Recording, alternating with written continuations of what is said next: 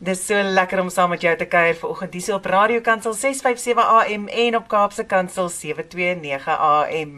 Ek hoop jou dag is heerlik sover dat jy al lekker 'n uh, warm koppie koffie in het en dat jy sommer reg is vir die dag en dat die Here jou sal seën met 'n wonderlike wonderlike waarwording in jou lewe vandag. Uh vanoggend uh, via Zoom is my gas, 'n uh, Heitjie Berg. Heitjie Berg, hallo, gaan dit met jou? Hallo Berta, is lekker om weer op Radio Kansel te wees. Altyd 'n voorreg saam met jou. Ons het al 'n paar keer gesels. Die ander kere was maar net in studio. Vandag lyk my alles gebeur maar oor Zoom. Ehm um, Dit is dit is 'n bietjie makliker en dit maak my gaste vir my 'n bietjie meer toegankliker. So op die ou en Ja, absoluut. Op die ou en sê ek dankie vir COVID daarvoor, nê? Uh want dit dit het um, ons geforseer om in nog 'n era in te gaan. Ja, natuurlik. Ek bedoel dinge het dinge het regtig die laaste, ek dink die laaste 15 jaar of 20 jaar eintlik, die dinge drasties regtig begin verander. Ek dink COVID het dit net meer ehm um, jy weet Ja, absoluut. En en mense is geforseer om te verander en dis mos nou maar hoe die lewe gaan. Jy weet, mens kan nie groei sonder om te verander nie en en Zoom het baie dinge, jy weet, moontlik gemaak vir baie mense. So ehm um, dis exciting. Ehm um, ons wil vandag 'n bietjie gesels hytjie ehm um, oor ehm um, ADHD. Maar eers wil ek dan net vir die luisteraars en nou nie weet wie Hytjie Berg is nie, vra wat onder watter klip het jy weggekruip? Ehm um, Hytjie is ons uh geliefde akteur, skrywer van twee boeke, ehm uh, my storie van hoop en my uh my reis met ADHD of nee? My Ja, ja, ADHD die onsigbare oorlog, ja. Ons... Ja, my stryd met ADHD. My ja. stryd met ADHD, dis hy. En ehm um, dit is 'n skrywer van twee boeke, maar nietemin 'n uh, mm, ook bekend as uh, eh, Dr. Konrad Bester van binnelanders. So as jy gewonder het wie met wie praat Bertha nou weer vanoggend, dit is met wie ek gesels. Maar verder is dit 'n wonderlike man van God en 'n man van Geraldine. Hoe gaan dit? Ja, noem, noem tog net asseblief my mooi vroutkie, ja. Hoe gaan dit met mooiste liefste Geraldine? Nee, wonderlik. Ag man, dit is regtig, dit is so seën. Ons is 'n uh, ehm um, ag dit gaan dit gaan goed man Bertha, jy weet. Ehm um, hulle sê mos 'n goeie vrou kom van die Here af, absoluut. En en hy stuur vir jou 'n helper. Laat ek gou vir jou sê nê, nee, kyk ek is allergies vir admin, soos baie mense. Ek is absoluut allergies daarvoor en dit is nou tax season en ons moet ons vooruitbetaalde tax so reg gekry het en dit is gewoonlik 'n maand of 2 maande in my lewe wat ek angsaanvalle kry want my admin skills is so swak. Jy weet en jy moet al hierdie goed bymekaar kry en jy moet alles konsolideer en en Geraldine het net maar net die sy het daai skill. Kyk, sy het my so gehelp. Laat ek vir jou sê Bertha, as dit nie vir haar was nie, so maar dit gaan goed. Sy's gesond, ons is gesond. Ehm um, ons is baie geseënd gedurende COVID. Sy twee sy het 'n knieoperasie, twee knieoperasies gehad nou die dag. Hulle moes haar knie geskraap het. Ehm um, dis so snaaks, jy weet, haar vorige spesialis wou al 4 jaar terug vir haar twee knievervangings gegee het. En toe is ons na Dr Piet Botha toe wat om 'n tweede opinie te kry en toe sê hy nee, glad nie. Jy weet, ons kan dit nog vir omtrent 10 jaar, 15 jaar uithou. Jy weet, sy's nou eers 31. Jy wil nie op 31 al 'n knie vervang nie. Baie, maar dis juis as gevolg van haar baie, baie. Sy's 'n besige bytjie, maar dis juis as gevolg van al haar van alle oefeninge en sy het 'n motorfiets ongeluk gehad toe sy toe sy baie jonger was en dit het die een knie baie seer gemaak. Maar dit is so interessant om te sien die een spesialis sê sny al 4 jaar gelede, die volgende spesialis sê nee, jy kan nog ten minste 15 jaar gaan sonder een.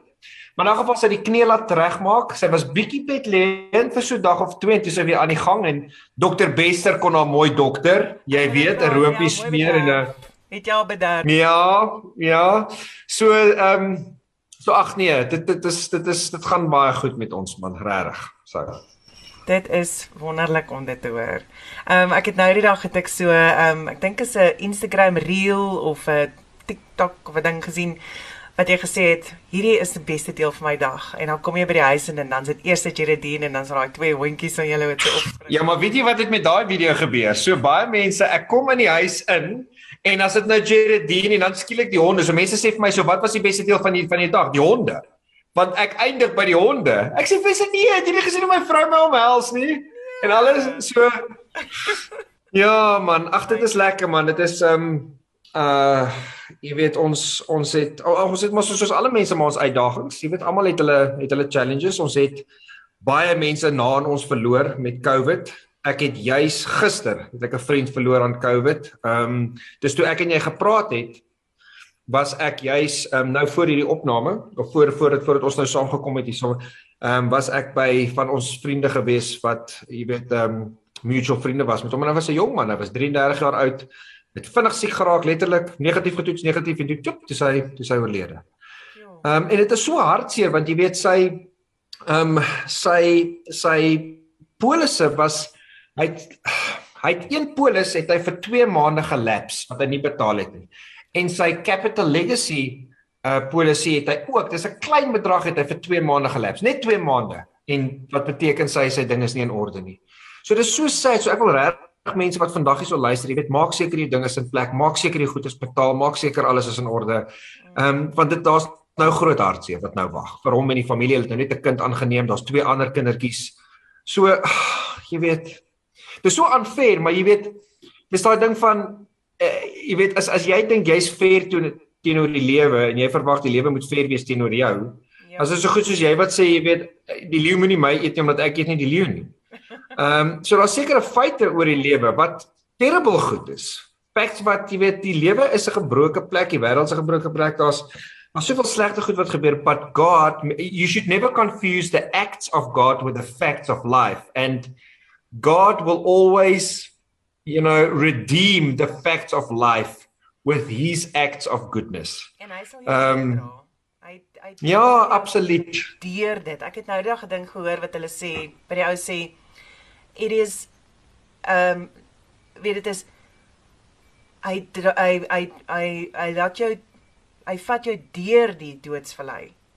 Psalm 23. Ja. Jy though I walk through the valley of death. Beteken nie jy, ja. jy bly nie daar nie. You are walking through ja. it. Um dan is hy by jou en hy is met jou. Ja. Um, dit is dit is amper soos daai toneel uit 'n uh, eh, uit 'n uh, eh, uit Narnia wat ehm um, wat C.S. Lewis geskryf het en Narnia is mos maar ehm um, ehm uh, daar's so een toneel waar waar die dogtertjie so in die woud loop en sy sien nie die leeu nie glad nie maar sy hoor net sy teenwoordigheid sy weet nie waar sy gaan nie but sy weet hy's daar jy weet en en dis daai teenwoordigheid amper wat sy so tussen die woud deur voel wat sy dan volg en jy weet 80% van ons lewens is ons veronderstel om eintlik om in die wildernis te lewe want dit is nou maar waar die die druk en die vuur en die pressure is en so om jy weet om ons karakter te te bou. Dit is nie lekker nie, maar dit is dis wat die Here ons soms wil hê. Is net so. Hytjie, eh, jy ons het laas keer dit of heel aan die begin het ons gepraat oor jou reis met uh uh addiction en uh dwelmverslawing en al daai en hoe jy daardeur uitgekom het en en daardeur triomfantlik deurgebeweeg het. Maar ehm um, on, ons gaan vandag 'n bietjie praat oor ADHD. En en jou jou persoonlike reis daarmee, jou stryd daarmee, uh 'n bietjie deel. Uh en deel hmm. daarvan het uitgemaak ook is die is die ehm um, manier hoe ADHD behandel word. Uh en ek dink ons moet 'n ja. bietjie daarin kyk oor uh weet Hoe eerstens, hoe weet ek my kind ek uh, of iemand naby aan my het ADHD? Is dit iemand wat van die mure af bons? Is dit is dit altyd die die die tekens dat iemand ADHD het is is is 'n um, attention deficit disorder. Is dit is dit daai ja. deel of is dit hyperactivity of is daar meer meer ehm um, daaraan betrokke as dit. Man, daar's Bertha, dit is so ehm um, dis so ehm um, omslaggewende ehm um, ding om oor te praat regtig. Ehm um, jy weet elke elke ou het sy pad wat hy stap in die boek wat ek geskryf het was eerstens my pad wat ek gestap het. En uh en dit wat vir my gewerk het en onthou wat vir my werk werk dalk nie vir die volgende ou nie. Ehm um, Ek ek dink daar's ek dink daar's twee goeters hier. Ek dink daar is ADHD is versekerde ding wat um, wat verskriklik sy kop uitgesteek het die laaste paar jare en dit is as gevolg van klomp faktore. Jy weet jy kan nie sê 'n kind het, het ADHD as gevolg van net een of twee goed nie. Jy weet die die hele wêreld het verander. Moderniteit het so vinnig om jou ontplof. Jy weet jy het social media, jy het jy het soveel distractions. Ons ons leef eintlik in 'n ADHD ehm um, gemeenskap. Ja. Alles om jou letterlik is is all over the place. So net bloot die manier hoe hoe kinders en groot mense vandag inligting prosesseer is op 'n heeltemal 'n ander manier as as 20 jaar gelede. Ehm um, en dan speel daar klomp goed, jy weet genetika speel 'n rol, jy weet ehm um, die eet speel 'n rol. Jy het uh, sekere mense is absoluut ehm um, meer gewired om uh jy weet stimulus te ontvang op op op 'n manier wat ander mense dit nie nie ervaar nie. So daar's 'n Gabor Maté het 'n wonderlike boek geskryf oor ADHD. It's called Scattered. Gabor Maté en hy's 'n dis hy's 'n wêreldbefaamde kenner op op hierdie goed en hy gaan baie baie baie diep in hierin. Daar's altyd daar's altyd geestelike aspekte, daar's altyd fisiese aspekte, biologiese aspekte, fisiologiese aspekte. Alhoewel en ek is nie 'n dokter of 'n psigiater of of of enige so iets nie. Ek weet net hoe ek ongelooflik gesukkel het en my boek gaan juis oor omdat ek ehm um, my lewe lank nog suffer van die siekte van verslawing addiction. So ek was nog my hele lewe lank verslaaf aan alles gewees. As ek as dit gebeur en dit is maar net hoe ek weet nie hoekom ek so was nie. Ek weet nie hoekom ek my hele lewe lank so obsessief was en so ekstreem was met alles nie. Ehm um, jy kry een kind in die huis wat absoluut gebalanseerd is en jy weet alles swaal vir die middelpaadjies op en jy dan en dan het jy daai kind wat absoluut ekstreem is. So ehm um, ongelukkig het ek baie slegte besluite gemaak en ek het vir jare lank het ek jy weet was ek in en uit rehabilitasiesentrums uit verdwelms en wat dit natuurlik veroorsaak het is dat dat die blote feit dat ek so 'n groot amphetamine addict geraak het kan ek ek praat net van myself is Ritalin konserte vir my baie sleg omdat dit is methylphenidate methylphenidate is amper soos methamphetamine dis eintlik maar dit is maar soos tik, jy weet. Dis nie regtig tik nie, dit is nie tik nie. Ek wil dit net mooi vir die luisteraars sê. Daar is absoluut waarde in medikasie. Ek het dit in my boek ook gesê. Jy weet toe my boek uitgekom het, toe die een van die koerante 'n uh, 'n um, artikel uitgebring wat sê Hytjie Berg is teen Ritalin of hy's verslaaf aan Ritalin of of hy blameer Ritalin. Ek kan nie eens onthou wat dit is nie. En dit het so 'n herrie veroorsaak oor my boek. Natuurlik was dit goeie publisiteit en almal het die boek gaan koop. Ja, jy weet. Natuurlijk. Maar dis ook buite konteks getrek. Ja, heeltemal buite konteks en ek onthou, jy weet, Johan van Lille op RSG het hy het uitgevaar en dit was 'n verskriklike storie, jy weet, maar ek dink nie hy het ooit die boek gelees nie. Ek dink nie hierdie mense het ooit die boek gelees nie want nêrens in die boek sê ek ek is teen medikasie nie. Ek het wel omdat ek deur hierdie prosesse want ek het in Weskoppies opgeëindig het omdat ek die medikasie misbruik het. Daar's baie mense wat dit nooit gaan misbruik nie. Ek het dit misbruik. So Ek het die boek geskryf op die oog van 'n ou wat uit 'n 'n uh, verslawende agtergrond kom. Wat doen so 'n ou? As hy nou gediagnoseer is met al hierdie mental illnesses want ek is nie net met ADHD gediagnoseer oor die jare nie, jene ek is met alles gediagnoseer.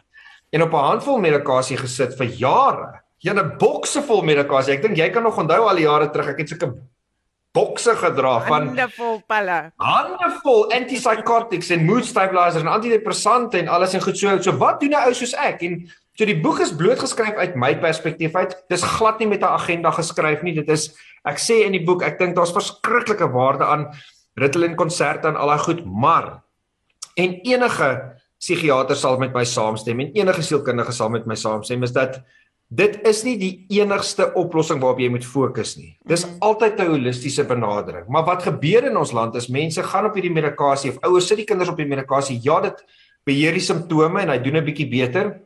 Maar dit los nie die probleme op nie. Mens moet dieper gaan. Jy moet kyk na die sosiale konteks van die kind. Jy moet kyk na ouerskap. Jy moet kyk na dissipline. Jy moet kyk na die eet, slaap. Uh, jy weet geloof. I, I mean, jy moet kyk na trauma. Daar's allerlei dinge wat jy moet kyk en dan eventually Ehm um, jy weet ek is nie vandag meer op medikasie nie. Prys hier ek's medikasie vry. Medikasie is 'n wonderlike ding. Dit het my lewe gered. Ek is nie teen die mediese wêreld nie. Glad.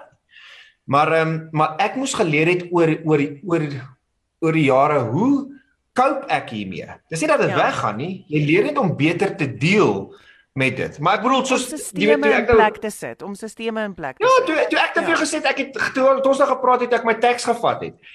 Eergister het ek deurgery Pretoria toe met Jeridine met my teks val veronderstel om in die kar te wees. Ons in Pretoria aankom, toe kyk ek terug en sien ek wel ek het die val by die huis vergeet. Dit gebeur met my op 'n daaglikse basis, Bertha. Dit is nag. Die goed wat ek baie keer deurgaan. Dis net genade as ek iets onthou, want dan is ek daar, dan is ek hier, dan is ek oral. Jy weet, ehm um, so so ek jy sukkel nog steeds daarmee, maar ek het ek het geleer om daarmee te cope. Daar's So dis die een ding, daar is verseker ehm um, 'n diagnose wat gemaak kan word vir ADHD. Absoluut. Ek is nie die kenner nie. Daar's baie kenners aan buitekant, so ek stel voor jy vat jou kind vir 'n vir 'n assessment, okay? Wanneer sal ek my maar kind is... vat nou, Hytjie? Wanneer wanneer as Jy weet jy wil dan jy wil dan ek gaan laat ek gou vir sê, jou kind, jy, jy sal weet, jou jou baie onderwysers, ek kry onderwysers verskriklik jammer, want ehm um, jy weet, jy kan nie die dissipline toepas wat met ons toegepas is nie. Kyk, ek is geslaan, dis al. Jy is jy is hard geslaan. Vandag kan onderwysers dit nie regtig doen nie en vandag is daar baie ouers en ek verstaan dit ook. Daar's twee kante van die storie. Jy weet 'n uh, eh, die ehm um, in ons dae waar hierdie hierdie onderwyser iets gesê dan dan is jy geslaan by die skool as jy huis toe gevat as jy weer geslaan omdat die onderwyser jou ja jy gesê jy was jy was so. Vandag is dit eintlik omgedraai gewees. Eh, dit is swaaf omgedraai. Ouers ehm um, ek sien baie ouers wat regtig teen onderwysers gaan en ehm um, kyk jy weet daar's daar's daar's daar's 'n ouer kan dit ook seker doen, jy weet as daar Marite is, obviously. Maar wat vandag gebeur is is dat ehm um, uh die onderwysers kan baie maklik sien wanneer 'n kind nie in die hoofstroom uh, jy weet skool inpas nie. Ja. Dit is hy kan funksioneer, hy sukkel om te funksioneer. So 'n onderwyser mag nie 'n kind 'n kind sê hierdie kind moet op Ritalin gaan nie. Hy hulle mag dit nie sê nie. Dis eintlik krimineel. Jy weet 'n onderwyser het nie die reg om dit te doen nie. Sy kan wel sê luister jy jou kind moet getoets word vir ADD, ADHD, oppositional defiance disorder of whatever it is, miskien het die kind angs, miskien het die kind sensoriese probleme, miskien het die kind ander leerprobleme, maar die onderwyser moet vir die ouers sê hierdie kind moet getoets word. Nou natuurlik dan kry jy ook ouers wat sê maar die onderwyser is mal. Ek het dit ook al gehoor. Ouers wat totaal in denial is. Maar dit gaan eendag van 'n tyd gaan dit agter gaan hulle agterkom die kind pas nie in nie en hy hy is hy hy floreer nie soos wat hy moet nie. Sy punt is nie wat dit moet nie en jy gaan baie vinnig agterkom iets is nie lekker nie en dan moet jy die die kind gaan laat toets. Ehm um, en daar's baie hulp daar buitekant. So maar ek moet ek moet sê dat ek ek voel ek voel dat uh, dit dat kinders vinnig gediagnoseer word. Dat hulle dat hulle vinnig ehm um, dat mense sal sê ooh daai enetjie is bietjie besig, vat hom dokter toe en dan kom die diagnose deur ADD. Absoluut. So so so so baie van my boek, baie van my boek skryf ek daaroor is dat dat daar kan daar word te vinnig diagnoses ook gemaak. En dit gebeur verskriklik baie. Die hoeveelheid Ritalin konserte wat vandag voorgeskryf word is dit is massaal. Ek het al die feite in die boek, jy weet, ek skryf ook waar jy weet Ritalin konserte vandaan kom. Ek ek gaan baie diep daarin en hoekom daar so baie misdiagnoses gemaak word. Ehm um, daar's klomp redes daarvoor. Ehm um, natuurlik daar's jy weet die geldwolf is ook maar altyd daar agter. Ehm um, daar is dis dis 'n maklike oplossing net om vir iemand te gee.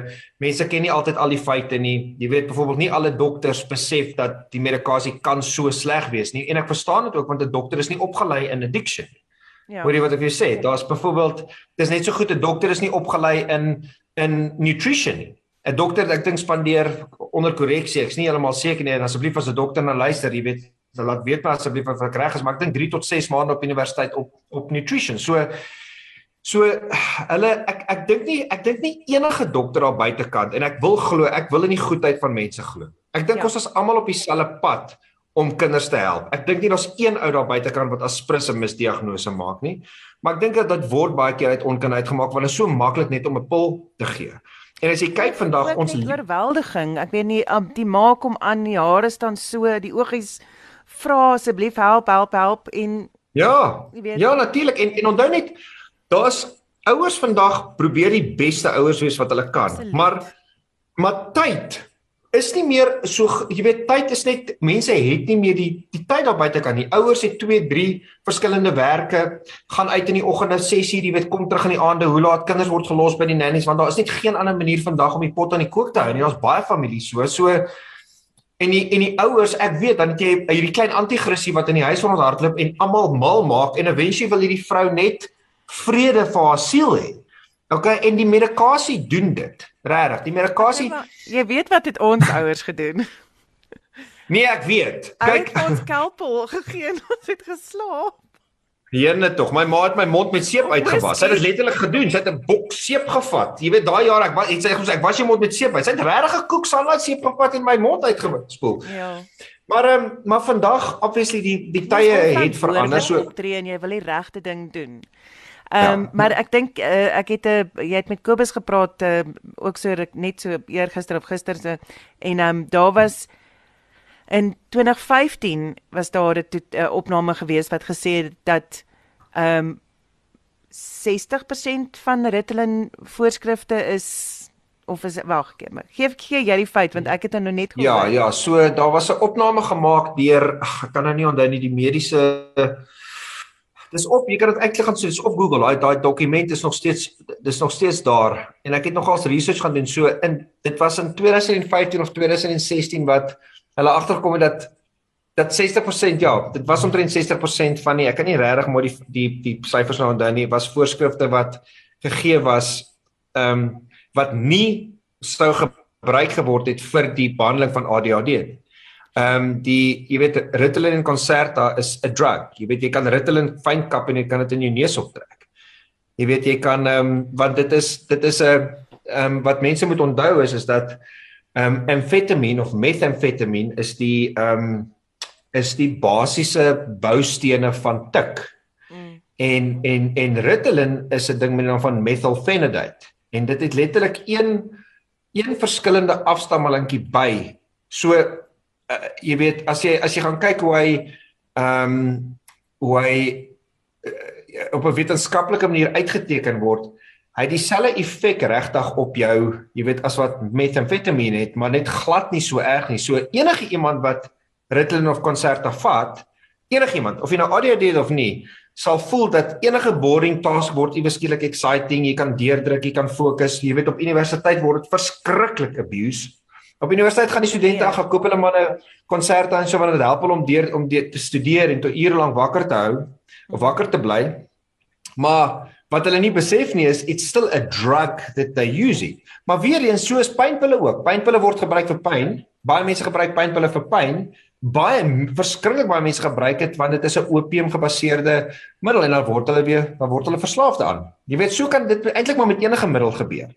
Ehm um, ek dink dit die mense is reg, genuen reg ingelig oor wat dit is regtig wat wat jy jou kind gee en moet dit die eerste opsie wees. Dis al wat my hmm. my punt in my boek is is moet medikasie die eerste opsie wees. Het jy al gekyk na 'n ander leerstelsel, na 'n ander skoolstelsel? Het jy al gekyk na jy weet goed soos jou kind se dieet, sy slaap, jy weet ander middele. Ek sê nie jy moet sê die medisinale wêreld moet jy nie vat nie. Glad nie. Ek bedoel dokters en psigiaters het my lewe gered. Jy weet, die medikasie wat ek op was, as dit nie vir dit was nie, het my lewe gered. Van my goeie pelle is psigiaters en jy weet, ouens wat diep in hierdie in hierdie um in mental illness in spesialiseer. Ja. So ek ek sê net dit kan ek het al te veel mense ontmoet wat op sakke vol pille gesit is te vinnig, te gou.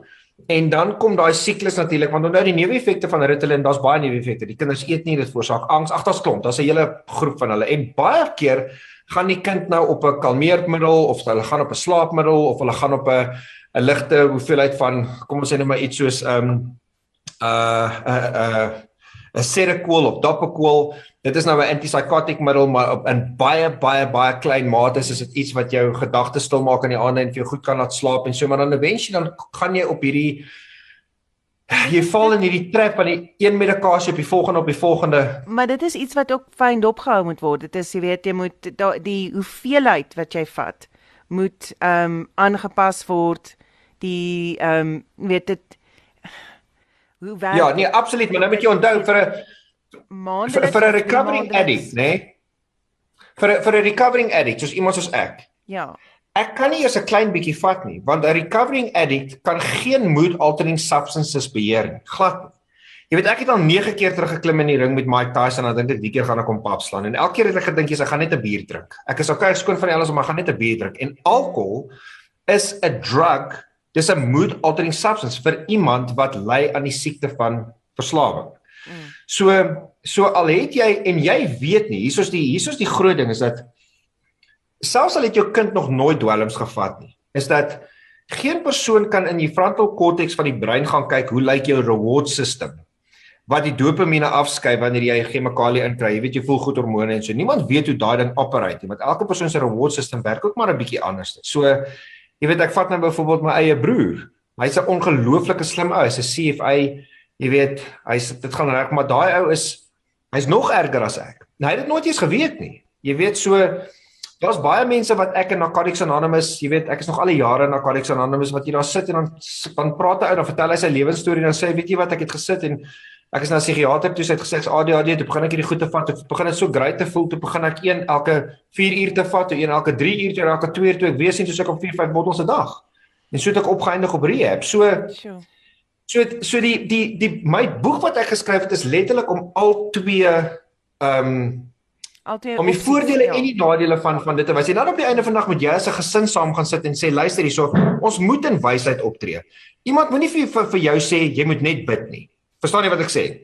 Dat net gebed is die antwoord nie. Iemand moenie vir jou sê dat net 'n 'n 'n pil is die antwoord nie. Iemand moenie vir jou sê net 'n goeie dieet is die antwoord nie. Mm. Of of net 'n uh, jy weet 'n goeie skool. Daar is nie net een antwoord nie. Dis 'n kombinasie van al daai goed en en elke familie moet saam besluit en saam bid en saam jy weet uh besluit oor hoe om hierdie kind te hanteer. Ek kan vir julle sê wat is een verskriklike groot ding wat ouers wat ek voel ouers moet doen. Is ouers, dit is die ouers se verantwoordelikheid dat as daai kind by die huis aankom om lewe oor daai kind te spreek sodat daai kind Hy hy het, hy het geen idee wat se stemme, jy weet, die ouer het nie idee wat daai kind gehoor het of wat hy ervaar het op skool en wat hy begin oor homself te glo as 'n klein seentjie nie, want jy weet net soos jy weet die die die luisteraars van van jou kanaal is ons is kinders van die Here. Ja. En ons weet ons het drie stemme elkeen.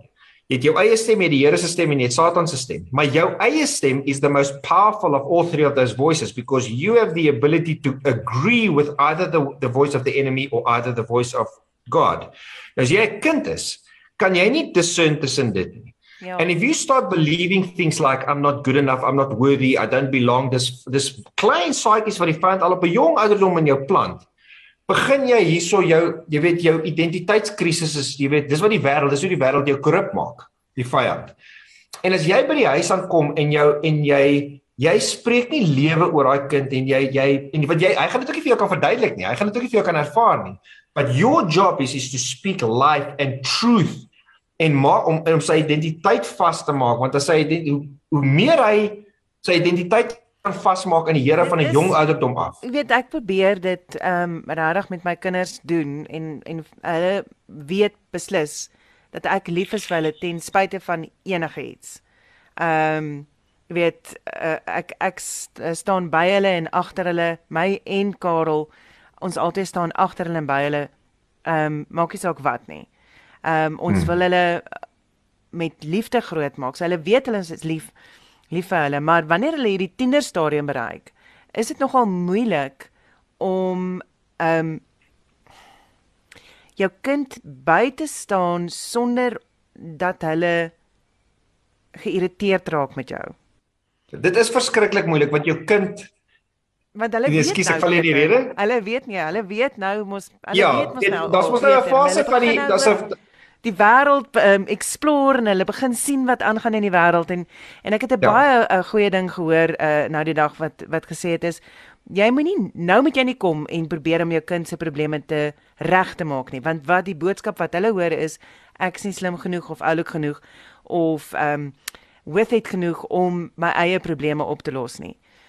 So jy moet dan begin om 'n klankbord te word vir jou kind sodat as jou kind begin verduidelik van probleme of uitdagings hmm. kom ons sê eerder uitdagings wat hulle in die oor staar, ehm um, situasies, vriende, maatjies en so aan, dan moet jy daar wees om te kan hoor wat gebeur en te sê luister, ek staan agter jou as jy raad nodig het, ek is hier vir jou.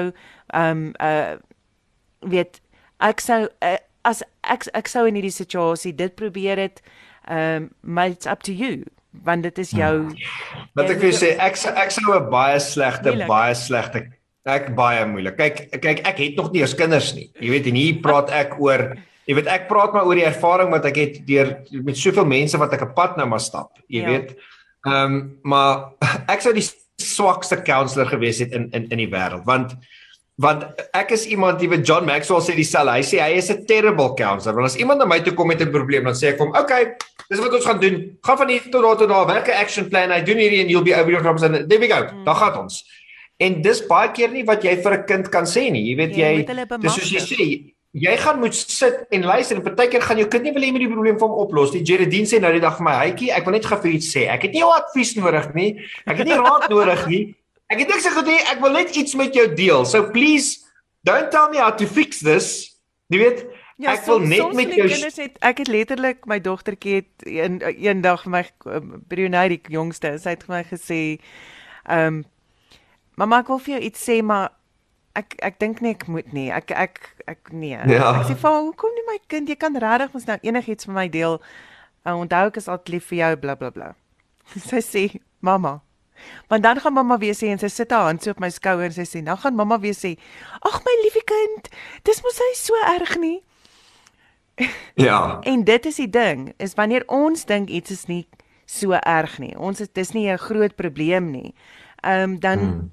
dan deur dit te sê want jy probeer vir hulle te sê, "Ag nee man, dis maar net 'n skrapie op jou knie, dis okay, moenie worry nie." Maar in hulle lewe is dit 'n huge ding. So you have to Absoluut. jy moet uh, erkenning gee daaraan. Uh, Veral wanneer jy Ja. nou op hierdie ouderdom kom. Sê jy moet sê ek is regtig jammer dat jy so voel. Ek's regtig jammer dat dit met jou gebeur het en dat dit jou so laat voel. Uh waarmee kan ek help? Hoe kan ek vir jou ehm um, help om om beter te voel hieroor? Kyk, dit ek gaan baie raad by jou kom kry Bertha. Ja, dit is soos Jeredine ook nou sê. Dis daai ding van ek wil nie hê jy moet my fix nie. Ek wil nie hê jy moet hierdie ek wil net hê jy moet hoor wat ek sê en verstaan dat Ja. ek op die oomblik um ongelukkig is of pyn het of pyn ervaar. Jy hoef dit nie te fix nie, regtig. Hoor en dan sê, Hmm. "Ag, shy my baby. Ek is jammer dat jy hier deurgaan."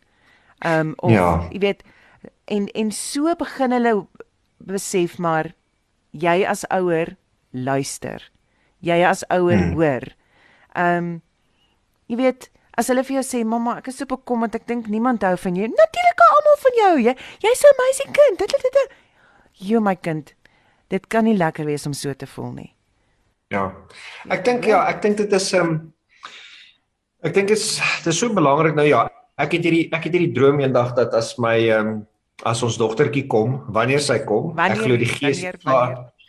Die Here het klaar die geesie aan mekaar gesit. Hy wag nou net om dit in die in die liggaampie in te kry. Okay, maar ehm um, ek eh, en ek weet dit gaan 'n dogtertjie wees en ek het hierdie ehm um, ek ek ry vandag byvoorbeeld in my kar en ek ek ek ek imagine dat sy langs my sit die hele tyd en ek praat met haar en ek gaan te kere en ek vat haar skool toe tussen hakies en ek ek praat met my imaginary dogtertjie, nê? Nee?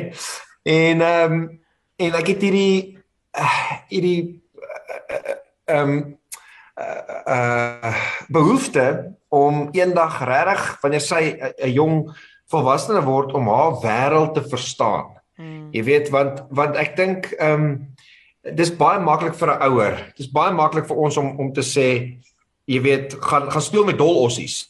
Jy weet hoekom moet jy voor die TV sit heeldag? Jy weet as ons met dolossies gespeel het. Verstaan jy wat ek sê? So dit is ehm um, ek dink dit is so belangrik om hulle wêreld te verstaan. Die wêreld vandag van tieners is TikTok, Instagram, Facebook.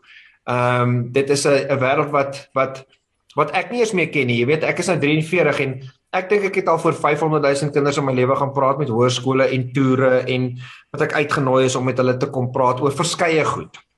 Want op die oomblik ons is van ek en ek en Jeredine en en veral ek ek het 'n groot liefde vir vir leierskap en vir entrepreneurskap en vir jy weet hoe om goals te bereik en have a vision and achieve your dream en al daai tipe goed. So, maar ek gaan ook nie meer regtig skole toe nie want ek het letterlik daai generasie, ek het dit wat is die woord, ontgroei. Ek is ek is te ver verwyder van waar van waar hulle is op die oomblik.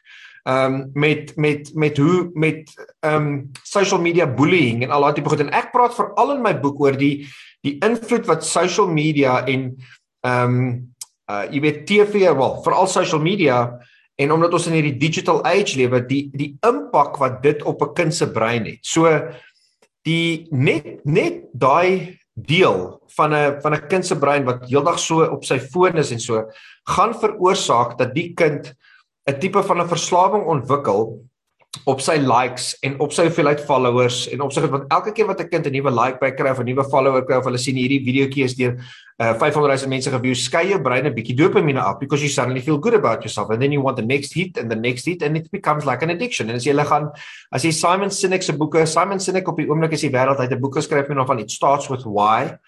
Hy's op die oomblik die wêreld se most requested TED speaker in die wêreld. En ehm um, en hy het verskriklike research daaroor gedoen oor die verslawing wat gebeur, jy weet op op social media. Ek bedoel in Korea en in Japan en daai plekke word social media as 'n addiction gesien, as 'n siekte. Daar's klinieke waar jy na toe gaan, jy alles word weggevat, jy word gedetox van social media af en jy word gediagnoseer met 'n uh, met 'n diagnose en dit het net so groot impak op 'n kinders se konsentrasie, kinders se jy weet die stilste van kinders en die en die groot ding kom ons praat net gou oor fokus. Jy weet ADHD gaan baie keer oor 'n kind wat nie kan fokus nie. Nou jy kry verskillende mates van ADHD. Jy weet soos jy gesê, dis nie noodwendig 'n kind wat rond bounce teen die mure nie. Dis 'n kind wat net letterlik nie kan kan aandag gee nie en hy's afleibaar en hy's verskriklik distracted en goed en die ding is vandag ons dink nie daaraan om ons kinders te leer hoe om te fokus nie. Daar word net van jou verwag in die skoolstelsel jy moet fokus en jy moet deur 'n klas kom. But oh, ja. you've got to learn how to teach children. How do you focus today? En die probleem vandag met hoofstroom skole is is dat die skoolstelsel het in die laaste 100 jaar nog nooit regtig verander. Maar jy sit vandag met kinders en met met hierdie vers, met moderniteit wat eksponensieel vinnig vooruitgaan en jy verwag daai kind moet in 'n hoofstroom skool net iewes skielik inpas, die manier hoe ons in hoofstroom skole ingepas het. So, ehm um, en ons gaan nou 'n bietjie daaroor praat oor die die manier hoe skoolstelsels besig is om te verander om om voorsiening te maak vir hierdie kinders. Daar's wonderlike skoolstelsels daar buitekant vandag wat voorsiening maak om om hierdie kinders, jy weet, um, om seker te maak dat hierdie kinders kan floreer as hy nie in 'n hoofstroomskool inpas nie. Ek dink dit is dis belangrik om ehm um, weet kundige se hulp in te kry en dan ook net om kundigheid te kry oor uh wat in jou kind se lewe aangaan. Soos jy nou sê, daai hele ding van die sosiale media wêreld.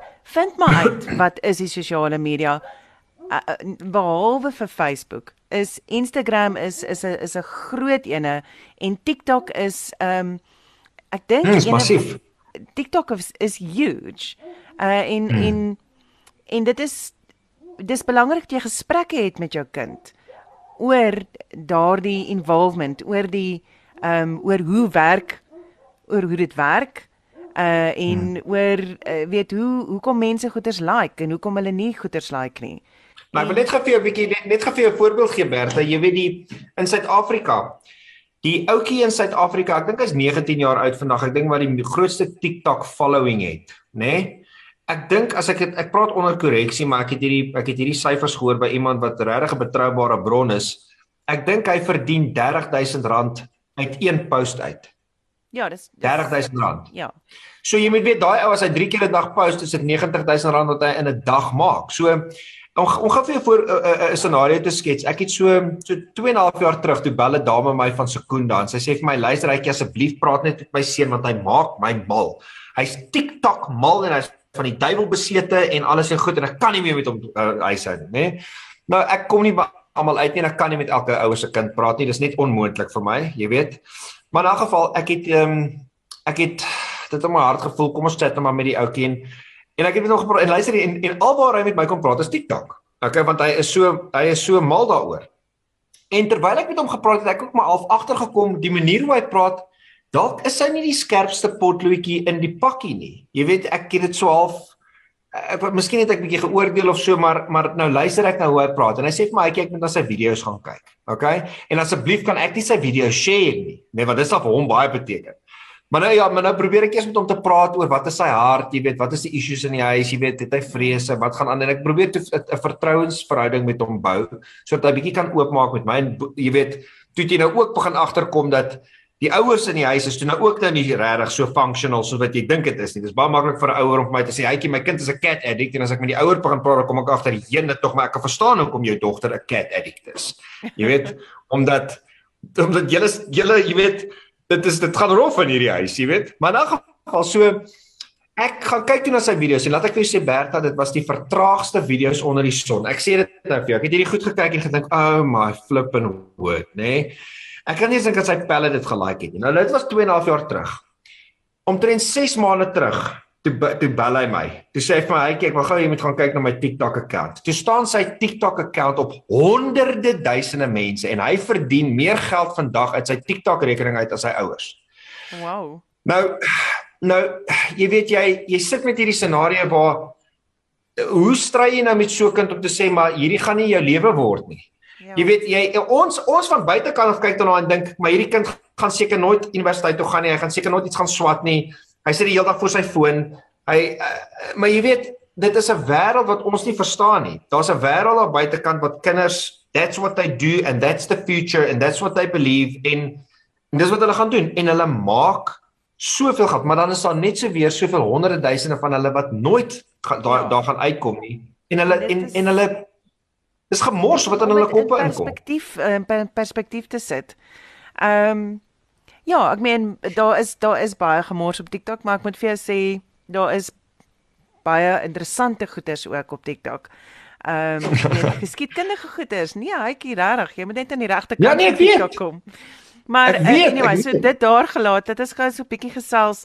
Ek wil gesels oor die ehm um, oor die skoolstelsels um, en en hoe hoe kan 'n mens as ouer as jy voel ek goed my kind pas nie in 'n hoofstroomskool in in nie en dit Mm. dit werk nie die onderwysers daar's te veel kinders in die klas uh weet hoe hoe kan 'n mens 'n goeie skool vind om um, om om uh, jou kind wat gediagnoseer is met ADHD of met ADD of Ja. net iemand 'n jou kind wat net weg verdwyn um, tussen die massas in 'n hoofstroomskool. Uh, Ja, so so dit dit dit was altyd moeilik. Dit en dit dit is nog steeds eintlik 'n Nee, dit is dit is 'n dit is 'n baie uitdagende ding, maar ehm um, ek is bly ons praat hier oor. So ek het nog altyd 'n groot droom op my hart gehad om om 'n 'n sentrum of 'n skool of 'n een of ander leerstelsel op die been te bring wat regtig kan kuiter vir hierdie kinders, maar hulle nie te hanteer asof hulle losers is nie. Want onthou net hierdie Exactly. kinders kom uit lewe. uit ja. Ja, hierdie kinders kom uit hoofstroomskole uit en hulle is gelabel. Hulle is op medikasie, hulle pas nie in nie. Hulle is 'n hulle is 'n nuisance. Hulle word tussen hulle vriende gesien as as as kinders wat nie inpas nie. So like most of them really come out of school with that feeling of I don't belong. Jy weet, en dit is die nommer 1 ehm um, uh uh um wapen wat die vyand gebruik vir jou om te voel dat jy you don't belong. Because we actually do. We belong in God's kingdom. Maar maar dit is 'n verskriklike gevaarlike plek vir 'n kind om in te wees. So daar was vir baie jare lank is daar da- was daar nie regtig jy weet hoe kyk jy na hierdie kinders? So ek het nog altyd hierdie droom gehad om so ding te begin en so klompie weke terug toe te 'n dame met die naam van Leanda Otto. Sy's 'n educational psychologist het my gekontak. Eintlik haar general manager het my gekontak hy het my boek gelees. So sê hytjie ek volg jou al vir hoe lank. Ek het al die boeke gelees. Jy weet ek het uh, ek sien wat jy doen op social media en waar jy 'n uh, impak maak en goeders en so. Ek wil hê jy moet gou ons kom sien as iets wat ons met jou wil deel En ehm um, ek en Jeredine, toe vat ek vir Jeredine saam ek sê Jeredine, jy moet saamkom. Jy jy is die ligtoring hierso, jy is wysheid, jy jy gee die discernment, jy weet ek ek het nie die kapasiteit om nog goed betrokke te raak nie. Ek het dit bloot net nie, maar kom ons gaan hoor wat hierdie mense te sê het want dit is my hart. Jy weet Ja. kinders want ek was so kind gewees. Ek in graad 2 gesê ek gaan tronk toe gaan, standaard 5 wou geen hoërskool my vat nie.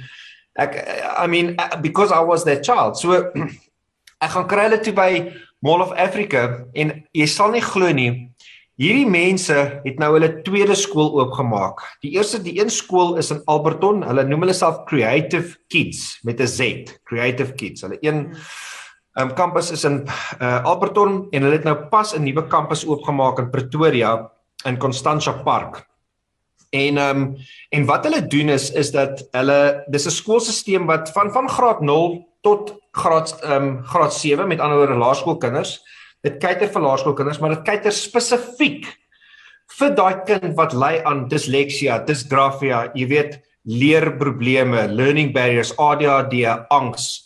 Ehm um, die kind wat nie inpas nie, die kind wat die kind wat suffer van oppositional defiance disorder, maar die verskil hierso is is dat Dis 'n skool, dis remedierende onderwys. 'n privaat Ja. skooltjie, net 16 kinders in 'n klas. Okay, it's incredible. Maar hulle gee die vol caps kurrikulum. Nou dit is ongelooflik. Jy kry nie 'n skool regtig baie min. En van skool sal nie regtig vir jou Ja, sê of by die full caps doen of nie die min, hulle gee minder. Ja. Ja, hulle doen nie die full caps kurrikulum nie. Nou wat hulle hulle wil ook nie vir jou sê nie. So en hierdie ouens doen die full caps kurrikulum. En jy moet sien hoe gee hulle klas vir hierdie kinders. Die kindertjies kom in. Jy weet as ek op 'n balkon gesit het terwyl ek in Juffrou Hesse se klas gesit het in graad 2 om klas te kry, sou dit vir my magic gewees het. Hulle gebruik sensory teachings, jy weet wat hulle met al jou uh, met al jou senses werk, jy weet jou jou feel, touch, sense, smell. Die onderwysers is opgelei. Dit is en is beautiful. Maar die amazing ding is die prys. Want jy weet gewoonlik dink jy, jy weet daar is ek was ek het amper van my van my stoel afgeval toe ek ehm um, sien wat sekere van die laerskole, privaat skole in Johannesburg vra. Daar's 'n daar's 'n privaat skole, laerskool hier om die draai van my wat R12000 'n maand vra.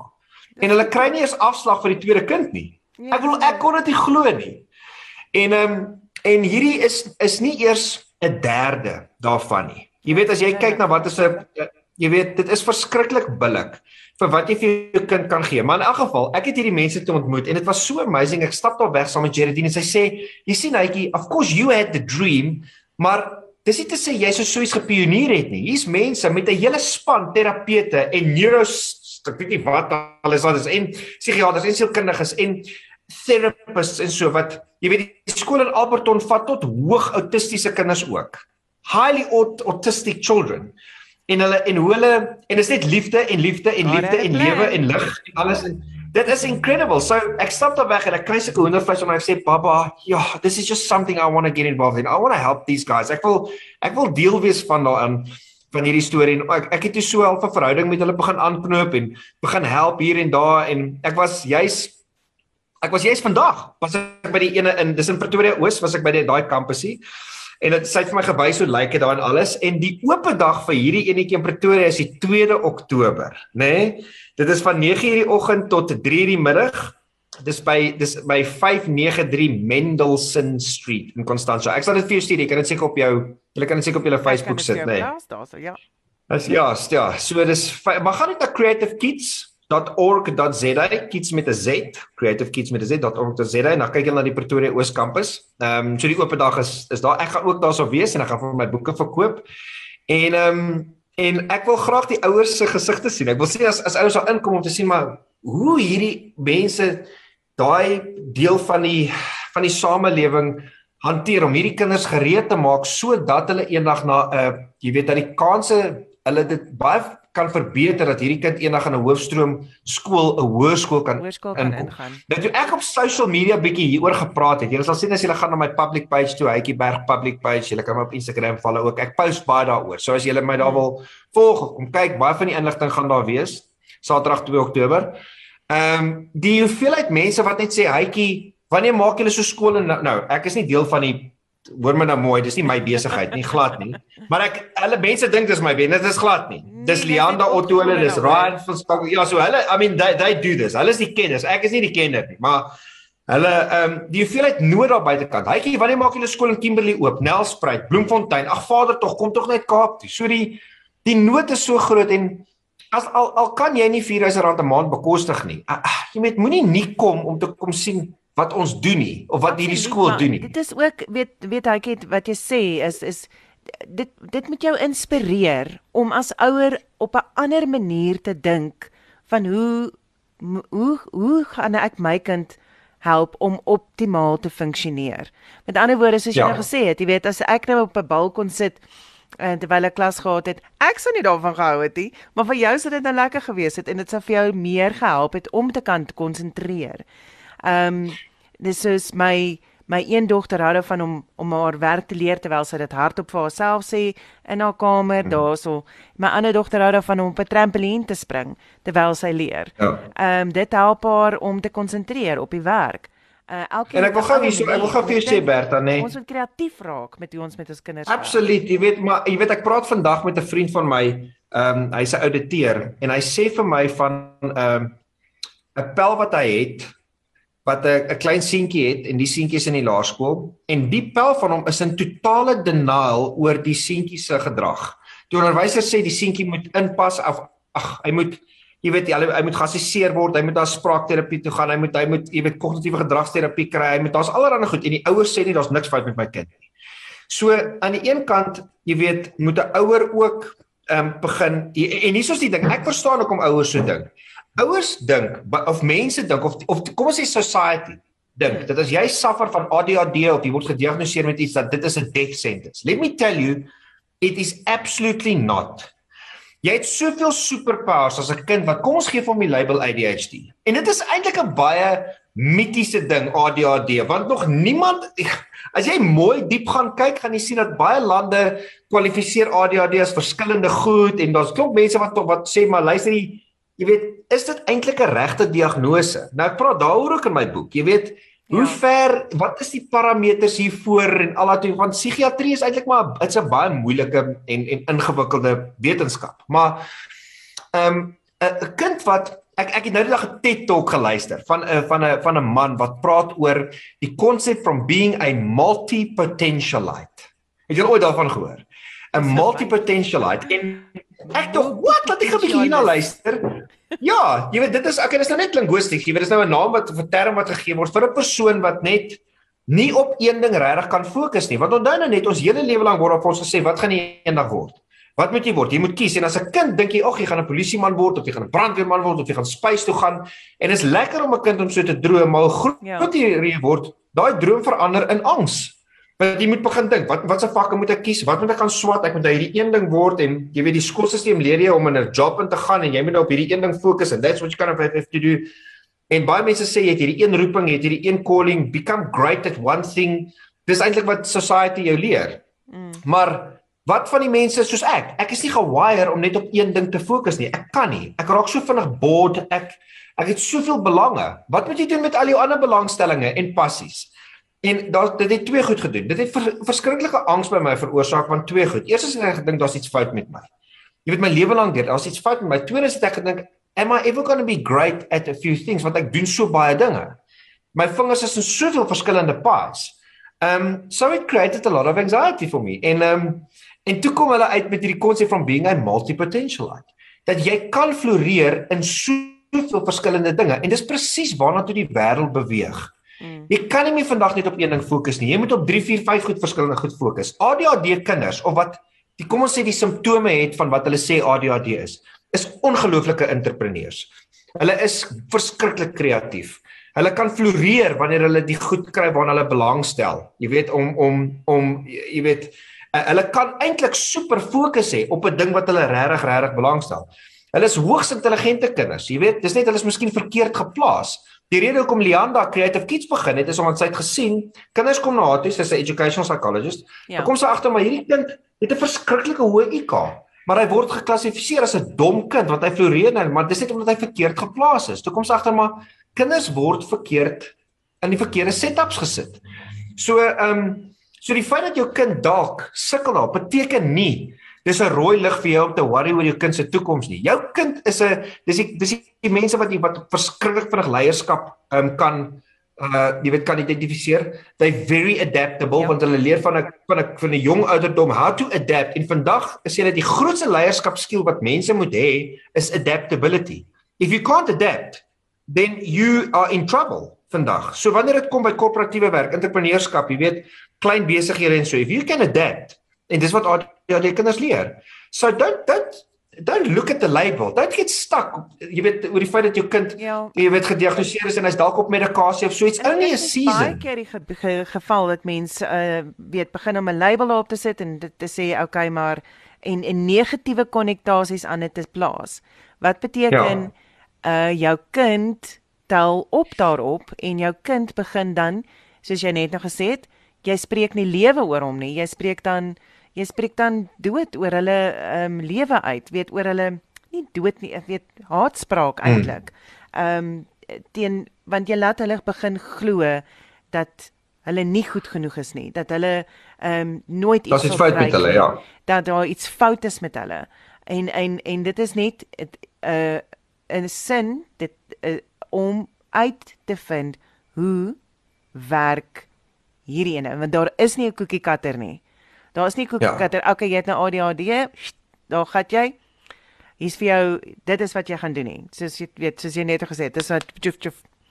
Nee, jy ja. jy moet mooi, jy moet begin uitfigure hoe werk 'n kind en soos ek net al kan in die begin gesê het, weet dit is nie noodwendig jou hiperaktiewe kinders wat ADHD het nie. Uh dit ja. dit kan iemand wees wat want wat wat so oorweldig is met alles dat hulle heeltemal net terugtrek en so half net hmm. ehm um, wegraak en taakies aanpak en nooit regtig klaar maak hmm. daarmee nie. Ehm um, maar stil op hulle eie een kant. Dit is ook 'n uh, rede om om om om uit te vind, okay, kom ons help, kom ons kyk hoe gaan ons jou help om ehm um, om jou power, om jou krag te vind, om jou superpowers te vind. Ja, dit is soos ehm um, jy weet dit is dit is baie interessant. Ek weet dan baie min hiervan, maar ek het al baie opgelees en ek ek ek loop baie eh, ehm uh, um, uh, nou pad met die mense wat wel, jy weet, kenners is op hierdie gebied en ek en ek eer elke psigiater en elke sielkundige en elke persoon op buitekant wat in sy veld die beste probeer doen. Want ons moet dit net onthou. Jy weet, daar's nie daar's nie 'n maliciousness behind somebody that tries and diagnoses your child with something. Daar is nie. Dit is die persoon probeer die beste te doen wat hy kan. Ehm um, en maar dis en daar's soveel goed om in ag te neem, maar wat so incredible is Ek het byvoorbeeld nie geweet vir baie lank het ek nie geweet dat jy kry mense wat beter visual learners is as audio learners nie. Of mense wat ehm um, deur kleur leer en ander mense leer deur jy weet Ja, ek, ek bedoel ja. ek het maar ek was maar die ek was maar ge, ge, gelabel die die dom een tussen my en my broer en my sussie want ek was maar average en alles, jy weet.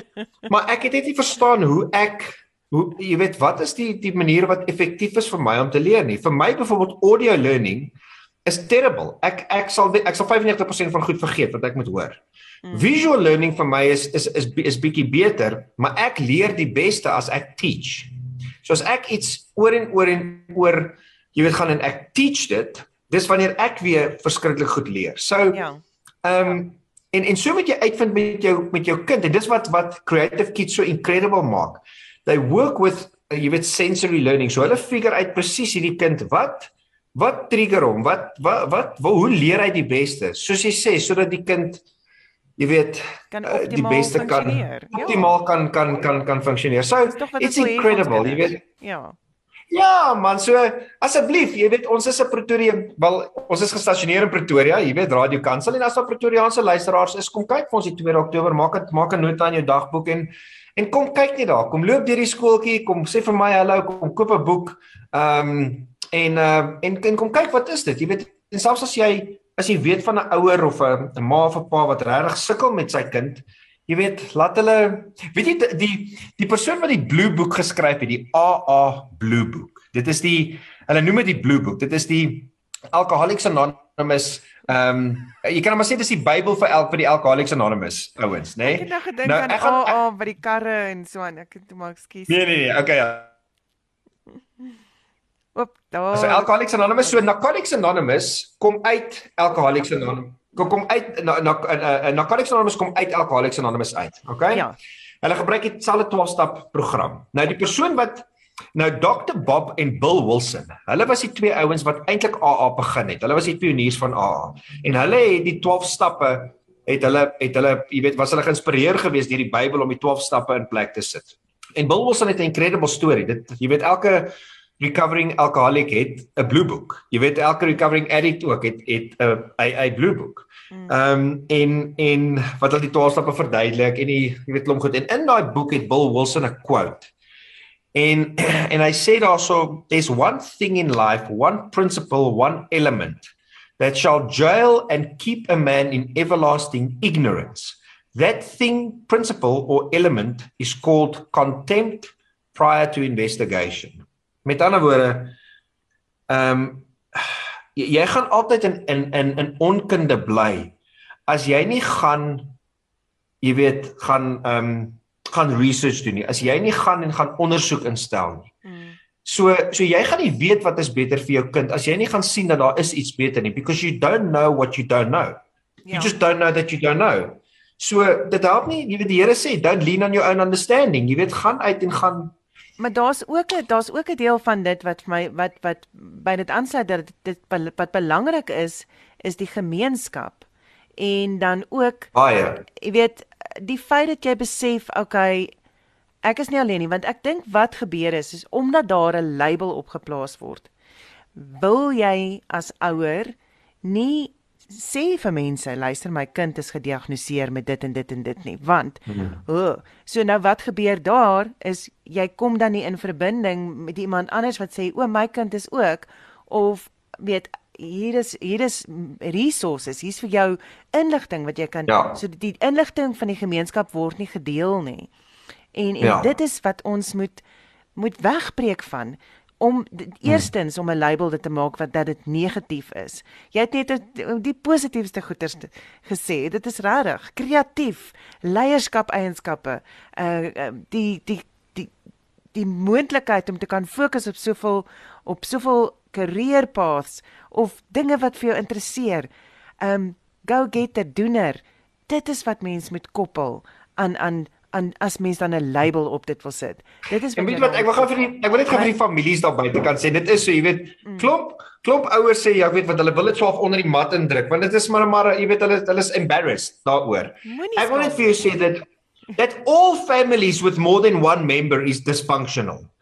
Jy weet daar is nie jy weet jy kyk so na families en jy dink ag vader tog jy weet die, what because we all broken. All of us are broken. We all have a certain measure of mental illness. Die woord sê your brain and your heart is a deceitful thing. You struggle, you suffer, jy weet. Jy weet as jy uh, ons almal tot op 'n mate is mentally not well because everything is broken. The world is broken, the weather is broken, the economy is broken, you know, my body's broken, marriages are broken, but we broken people and that's why we've got the Lord. So wanneer mense daai ding net kan laat gaan en besef dat we all have our battles. Dit is nie snaaks vandag om te weet daar's 'n kind wat me aan suffer van mental illness of daar's 'n persoon in die huis wat 'n alkoholist is of daar's iemand wat ly aan 'n eetversteuring of jy weet die ene I mean jy het die common familie wat altyd drink en gesuip is en jy het die skatryk familie deel van jou familie wat jy altyd I mean elke familie het al daai elemente. So when we accept our brokenness then we understand that that is what God builds his kingdom on. He doesn't build his kingdom on your your own righteousness nie. Hy bou And dit op jou gebrokenheid. Ja, jy kan uitreik Ja. en jy kan 'n gemeenskap skep en en 'n um, uh, iemand wat jou kan help op die pad vorentoe. Uh so dit Ja. is ek meen ek meen dink verder as net net die skool. Uh dink dat die skool is 'n 'n voergrond, 'n vervoetgrond of 'n 'n bounce area vir nog mense om uit te vind daar is hoop. Daar is hoop Absoluut. dat ons verhoudings gaan verbeter met ons geliefdes wat ADHD het. En dit is die ding. Hmm. En ek wil ehm um, afsluit met jou uh Heitjie so so, so 10 minute oor, maar ek wil met met jou praat oor jy weet die jou boek gaan oor die stryd, jou stryd met ADHD. En ek wil vir jou hmm. vra, ehm um, wat is die goed wat jy in plek gesit het om jou te help om daagliks te kan opstaan en met soveel joy en vreugde die Here te dien en met die mense om jou ehm um, weet om te gaan en en om daardeur te kom om om aan te gaan nie aan te gaan nie om saam met ADHD net funksioneel te lewe. So, so daar's daar's 'n paar goed. Ek het ehm um, ek kyk verskriklik mooi na my na my die nou na my dieet en ek ehm uh, ek gebruik baie baie baie goeie ehm um, intelligent supplementation wat wat regtig nodig is want jou dieet gee net nie vir jou alles wat jy moet inkry nie. You need to get in the best supplementation. And of course there's supplementation and there's supplementation. So jy jy you really need to make sure that you you get in maar ja, maar Mm. Dis 'n bietjie moeilik om 'n Suid-Afrikaanse natuurlike ding te kry want dit word nie gereguleer in ons in ons in ons land nie. So ek ek ek maak seker dat ek regtig gereguleerde amazing scientifically proven supplements in kry. Ehm um, oefening is vir my verskriklik belangrik. Jy weet oefening is 'n is magic. As jy down voel en depressed voel en alles, jy weet om net om die blok te gaan stap of iets, it does wonders for you. Okay? Dan is ek ek moes geleer het om weer te droom. Nou dit klink dalk vir jou snaaks maar maar ek moes gaan gaan gaan sit het en weer gaan droom het oor about you know my dreams. What is it that wat is dit wat die Here eerstens wil hê ek moet doen met my lewe, maar maar die Here het jou ook 'n jy weet imagination gegee. As jy nie 'n ja. droom het nie, hoe verwag jy die Here moet dit bless? As jy nie 'n vision het nie, hoe verwag jy die Here moet dit moet dit moet dit bless? So wat dit my gee is is dat dit gee my purpose en dit gee vir my iets om voor te werk en dit gee vir my conviction en en as ek 'n droom het en ek kan action jy weet goed in plek sit um om dit te kan bereik. It gives me a purpose. Baie mense sê, "Well, ek het nie ek het nie betekenis in my lewe nie." Well, have you ever thought about creating meaning in your life? If you don't have meaning, then create meaning. Jy weet, dit gaan nie net op jou val nie. You have to go and create that meaning. Nou dit is nie maklik. Ons word nie geleer op skool hoe om te droom nie en ons word nie geleer op skool om daai drome te bereik nie. So jy nodig 'n paar goed. Jy nodig 'n stelsel, jy nodig 'n accountability partner. Ek het mense in my lewe wat ek aan accountable is. Dat as ek sê ek het hierdie goal wat ek wil bereik of dit nou 'n besigheid is of dit nou in whatever is en ek gaan dit nie bereik nie, is daar 'n konsekwensie. Ek het 'n accountability partner wat that I set up. Dat as ek dit nie bereik nie en ek het iemand wat my accountable hou. Want onthou net, van die dag wat jy gebore is en deur skool gegaan het. Skool is eintlik een groot accountability system. As jy nie die minimum doen nie, word jy pak slaaf voor gegee. As jy nie hmm. deurkom nie, kry jy pakke by die huis. As jy nie jouself mooi gedra nie, dan word jy gehok by die huis. As jy nie pas nie, dan is daar moeilikheid by die huis en jy gaan nie deur nie. So jy word gedryf deur 'n consequence. There's a consequence that if you don't do what you're supposed to do, there's a consequence. Dan kom jy in die werksomgewing. As jy die minimum doen nie, there's a consequence. So jy doen nou maar die minimum want anders gaan jy gefire word. So van 'n klein van 'n klein ehm um, uh uh jy weet ouderdom af, uh, um, ja. ouderdom af word jy geleer that you rather avoid pain than run after pleasure. You'll do just the minimum just to avoid the pain because there's a consequence. And run after pleasure. Dis hoekom daar so min entrepreneurs is daar buitekant en baie meer mense wat net werknemers is. Want 'n want 'n entrepreneur is iemand wat hy word nie gedryf deur 'n consequence nie. Hy word gedryf deur 'n droom, deur 'n visie. Daar's 'n daar's 'n 'n visie en hy gaan hierdie ding bereik en he's going to get there en geld en daai goed is nou 'n bysaak wat he's going to get there. Dit is 'n een kenmerk van 'n entrepreneurial mindset waar 'n waar 'n werknemer jy weet doen wat hy moet doen want if he doesn't do it he's going to get. Verstaan jy die verskil tussen ja, die mindset? Ja. So ek moes my mindset aangeleer het. Enigiemand kan dit aanleer die skoolstelsel help nie daarmee nie, maar ek moes dit gaan, ek moes deur boeke gaan lees en personal development boeke. So dis die ander ding is leeswerk. Ek lees verskriklik baie personal development goed en dan probeer ek dit in plek te sit. Hmm. So ek het 'n visie. Ek is baie groot om om mense te leer hoe om te droom, hoe om 'n visie te hê, hoe om dan die action steps in plek te sit om daarbey uit te kom. Ehm um, accountability partners te uh jy weet slaap ek sukkel om te slaap ek sukkel my lewe lank nog om te slaap. Ek wens ek kon meer geslaap het maar ek is maar 'n night owl ek loop rond 3 uur die oggend en gaan eet 'n koekies met peanut butter en dan as jy dit langs my wakker word die volgende dag dan lees dit net peanut butter oor die mond en koekies in die bed en jy weet net tog. Ehm um, en dan ehm um, en ek moet vir jou sê ek is ek is elke nou en dan gaan ek op 'n baie lae antidepressant bloot oor die feit dat ek is prone om eintlik 'n ligte depressie altyd te ervaar. Baie mense sê ek hoe bly so positief? Hoe doen jy dit? Ek is nie altyd so positief nie, but I choose it. You know, rejoice is something that the Holy Spirit gives you, joy. It is a supernatural thing. It's a choice. It's not always a feeling. It is a state of being. It's that idea of having faith in God and even though things are falling apart from me, I know that I have got this eternal relationship with the Lord and that's my hope.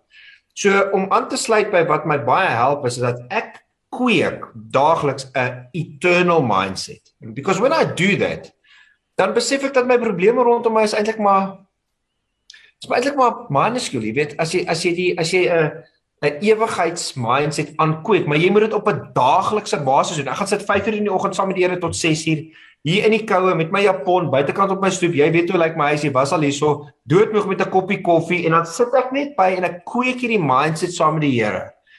Jy weet yeah. Ja. about heaven and about eternity and about living with him because that's what really gives us the joy. Maar it is all about a mindset. Die die, die laaste ding net voor ek ons afsluit is, is dat ek maak baie seker wat ek kyk, wat laat ek in my oë in, jy weet, wat sit ek in my subconscious mind want dit het 'n groot effek op my denke. En uh jy weet, dit wat ek kyk, dit waarna ek luister, jy weet, ek ek ek dit is soos 'n rekenaar as jy as jy crap data insit, gaan jy crap uitkry. Ja. Jy ek ek probeer ek probeer my Here sê, guard your heart, guard your mind. Dit beteken wees versigtig wat jy kyk en wat jy na luister. En wees versigtig met die mense wat jy mee uithang. Nou jy weet ons weet in ons bedryf, ons het 'n variasie van 10000 verskillende mense en ons is lief vir meeste mense en alles, maar om baie lank tye saam met van daai mense te spandeer is ongesond. Jy weet, ek kan vir sekere hoeveelheid tye saam met klomp mense wees en ek kan saam met almal kuier, but at the end of the day, it's my responsibility to spend time with the people that believe in me, that believe in my dreams, that loves me, that cares for me, wat wat my wil ophef. En baie keer is dit nie jou naaste familie nie. Ek het wonderlike familie. Ek sê nie dis my familie nie, maar baie keer is jou familie die mense wat jou die meeste aftrek. En, en, um, die, die en mense wat jy positief uh, moet praat in jou lewe in. Hulle is eintlik mense wat vir jou sê ag man, daai droom gaan jy nooit bereik nie. Ag man, jy gaan dit nooit kan doen nie. Dis eintlik die mense naaste aan jou wat sê ag man, just get real. You know? En ehm um, en en ek ja, so ek ek ek probeer regtig daai goeders toe te pas. So elke nou en dan gaan ek op 'n klein op 'n op 'n ligte antidepressant want ek's besig met soveel goed dat die die druk en is baie keer te veel. En ek weet dat die Here het dit nie so beplan nie. Die Here het nie beplan sy oorspronklike plan was nie vir ons om te lewe soos wat ons vandag leef nie. It wasn't his plan. His plan was for us to live in paradise with him. Vandag is alles so broken en jy werk 12, 13, 14 ure 'n dag just to make ends meet and we're not designed to do that. Ehm um, so wat 'n antidepressant partykeer vir my doen is dit sit dinge net in perspektief vir my. It doesn't make me happy. Jy weet, mense dink antidepressant maak jou gelukkig. It doesn't. We all know that. It just puts things into perspective sodat jy kan fokus en sodat jy kan So ja. En ek dink wat ook wonderlik is, is daar is 'n uh, um ek wil net sê 'n ritueel nie, maar daar's 'n stemme in plek wat vir jou um standvastigheid gee. Is um weet ek ja. het een ding wat ek uh geleer het as 'n ou pair reeds in in in België was dat as 'n kind boundaries het, as daar sisteme in plek is, as daar mm. um uh, dan funksioneer hulle en hulle voel veiliger in in ja. daardie boundaries maar ek meen ek ek sê nou nie limite nie ek sê dit is jy gee vir hulle 'n solid basis om van te werk en dis hoe ons as Christene ook werk jy het die solid basis van uh, Jesus as jou rots en van hmm. daar af is enige iets moontlik maar sonder Dis wonderlik dat jy praat Ja. Dis wonderlik dat jy praat oor boundaries. Jy weet die Die ironie van vryheid is dissipline. You can't have freedom in anything without the discipline. You can't have true freedom without boundaries. Mense dink freedom is ah, gaan that's not freedom. You know, true freedom is is knowing how to operate within the boundaries because the boundaries in die dissipline is is daar that creates the freedom really. So en binne die jy weet die Here was die mees gedissiplineerde ou in die wêreld. So ehm um, En uh en dit is moeilik. I mean it's difficult. Dit is nie maklik nie. Dissipline is dis 'n moeilike ding om self te handhaaf. Veral waar in die wêreld wat ek operate. Ek bedoel ek sien net 'n akteur nie. Ons het drie ander besighede. Mm. Maar ek ons het baie dinge wat ons doen en om daai dissipline te handhaaf om so by alles uit te kom, it is tough. It's really really difficult. vir my om op te staan in die oggend en 5 uur by die Here te gaan sit elke oggend tot 6 uur is moeilik. Dis nie altyd maklik nie. Weet jy, sukkel, partykeer kry ek dit nie altyd reg nie. En dit ek slaan nie myself daar ek sê nie, "Oh, dat ek dit gedoen het." I mean, I have got a wonderful intimate proper relationship with Yeshua. There's no religious spirit in my relationship with God. There's no guilt, there's no shame. Dis dat ja, elke nou en dan kom dit op maar my verhouding met die Here, hy's like he's my friend, he's my king, he's my father, he's my you know, ek kan enigiets met hom share. He's my he's my everything. So um maar dit is moeilik want because you need to spend time with Jesus at the end of the days Absolutely. if you're not spending time with the father quiet intimate time I'm telling you jy gaan die merk mis dit En ja. en dit is wat wat laat dis wat jy net gesê het wat laat jy by jou oë ingaan laat wat laat jy by jou ore ingaan maar dit is as jy jou oë oopmaak in die oggend wat is die eerste ding wat jy doen Ja Wat is die eerste ding wat jy doen? Ons laat jou daar. Ag, dankie. Ons sal weer chat Berta. Ons sal weer praat. Baie dankie. Dit ek weet ons moet gaan. Ons gaan ons gaan vir ure lank praat. Dit was wonderlik om weer op jou show te wees. Dankie luisteraars. Dis 'n voorreg. Ehm um, Berta, ek sal vir jou die inligting stuur wat jy op jou Facebook kan sit vir die 2 Oktober. Yes, ek sal um, kyk op my onder, Facebook onder die onder onder post. Ja, vir die oop dag van Creative Kids. So kom kuier vir ons daarso kom ontmoet die span. Julle gaan dit baie geniet. Ja, sy. Dankie. Dankie Heitjie. Dankie Berta. Mooi dag. Dankie luisteraars. Liefde vir julle. Bye. Bye.